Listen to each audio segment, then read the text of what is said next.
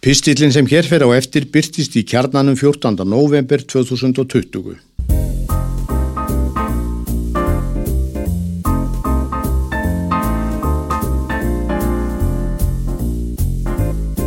Kjötbólurnar unnu á tæknilegu rótöggi. Hlínun andrumsloftsins og þau gríðarlegu áhrif sem henni fylgja er einhver mesta ógn sem að mannkininu steðjar og um fátt hefur meira verið fjallað undan farin ár.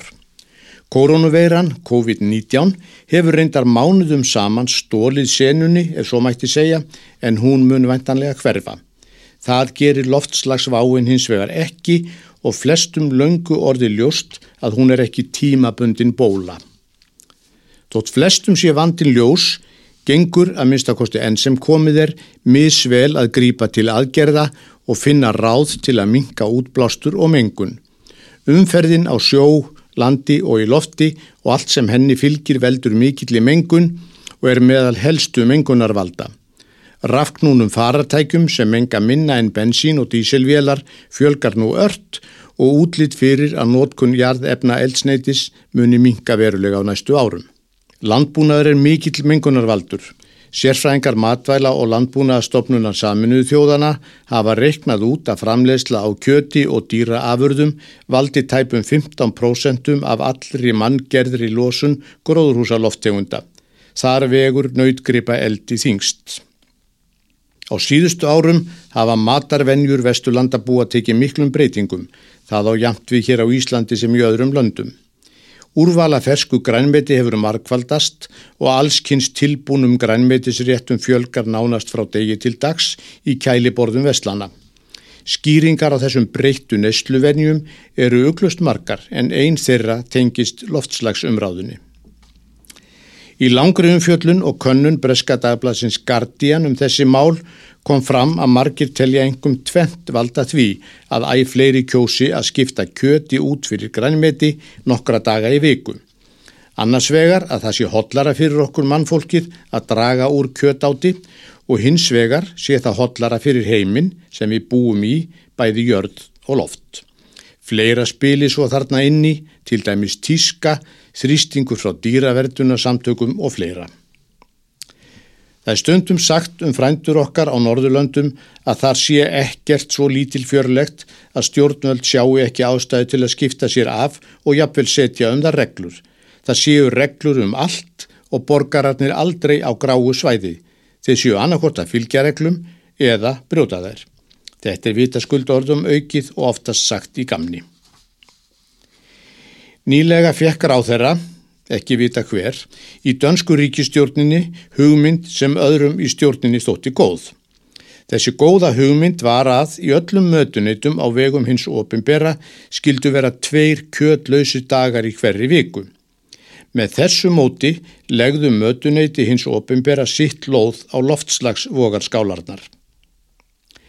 Nikolai Vammen, fjármálar á þeirra, kynnti hugmyndina á frettamannafundi fyrir halvu mánuði.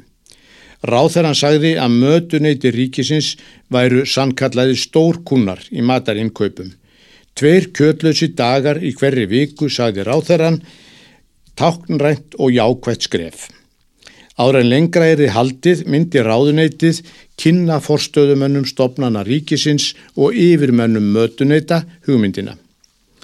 Ráþæran hvaðst þess fullvis að þessi hugmyndi ríkistjórnarinnar myndi mælast vel fyrir. Fréttamenn liftu brúnum ekki alveg jafn vissir.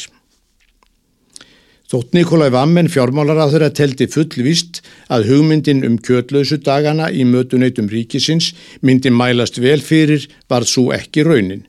Sumir sem rætt var við í fjölmiðlum í kjölfjárfréttamannafundar ráþerans urðu undrati þegar þeir voru spurðir álits á hugmyndinni og hristu svo höfuðið. Kjötlausi dagar í mötuneytum, aldeilis fráleitt voru algeng svör. Forstöðumenn mötunöyta ríkisins lístu sig algjörlega ansnúna ríkis tilskipun um matsæðla eins og eitt er að komst að orði.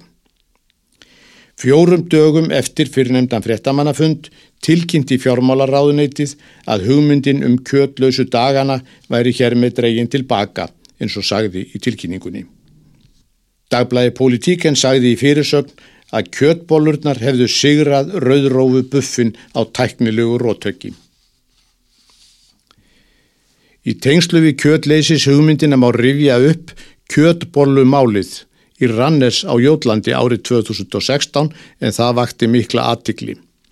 Þar var niður staðan með öðrum hætti. Forsaga þess máls var svo að í mötunautum grunnskóla í Rannes hafði verið ákveð að hættir það bjóða upp á rétti úr svínakjöti. Svo ákverðin var stutt sem rökum að múslimar megi, trúa sína vegna, ekki leggja sér svínakjött til munns. Þessi ákverðin mætti andstöðu. Eftir miklar uppræður í bæjastjórn Ranners var ákveðið að mötuneytum í grunn og leikskólum sveitarfélagsins yrði skilt að bjóða upp á svínakjött í skólamötuneytum. Bæjarfulltrúa danska þjóðarflokksins í Rannes fögnuðu þessari nýðustöðu og undir það tóku fulltrúa flokksins á danska þinginu Folketinget, sögðu Rannes góða fyrirmynd.